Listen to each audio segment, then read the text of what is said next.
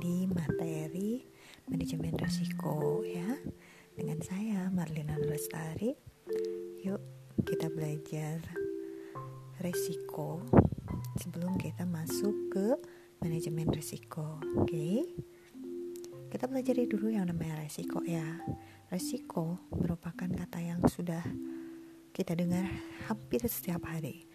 Biasanya, kata tersebut mempunyai konotasi yang negatif sesuatu yang tidak kita sukai, sesuatu yang ingin kita hindari, ya kan? Sebagai contoh, jika kita jalan keluar dengan mobil, maka ada resiko nih. Resiko apa? Mobil kita bertabrakan dengan mobil yang lainnya. Berarti kan itu adalah sesuatu atau kejadian yang tidak kita inginkan, ya kan? Atau juga misalkan nih, saya beli saham, saya punya saham. Ada resiko harga saham. Ya kan? Nah, ketika harga saham turun nilainya sehingga kita tidak memperoleh keuntungan, nah ini juga merupakan kejadian yang tidak kita harapkan, ya.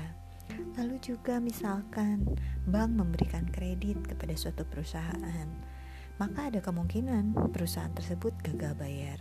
Nah, perusahaan tidak bisa bayar bunga ataupun cicilan. Nah, itu pun adalah sesuatu yang tidak kita harapkan, ya kan? Bank-bank tidak mengharapkan terjadinya seperti itu gitu. Jadi, apa yang dimaksud dengan resiko? Nah, di sini resiko bisa didefinisikan dengan berbagai cara ya. Sebagai contoh, resiko bisa didefinisikan sebagai kejadian yang merugikan ya kan? Atau kejadian yang tidak kita harapkan, ya. Di sini ada lagi definisi lain yang sering dipakai untuk uh, apa menganalisis investasi adalah kemungkinan hasil yang diperoleh menyimpang dari yang diharapkan. Itu bisa didefinisikan sebagai resiko, ya. Jadi, kalau kita bisa menyimpulkan bahwa resiko itu erat sekali dengan kondisi ketidakpastian ya. Nah karena apa? Karena resiko itu muncul ketika kondisi ini tidak pasti. Memang ada ya kondisi yang pasti ya nggak ada.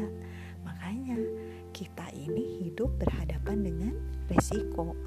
Kalau nggak mau ada resiko berarti kita mati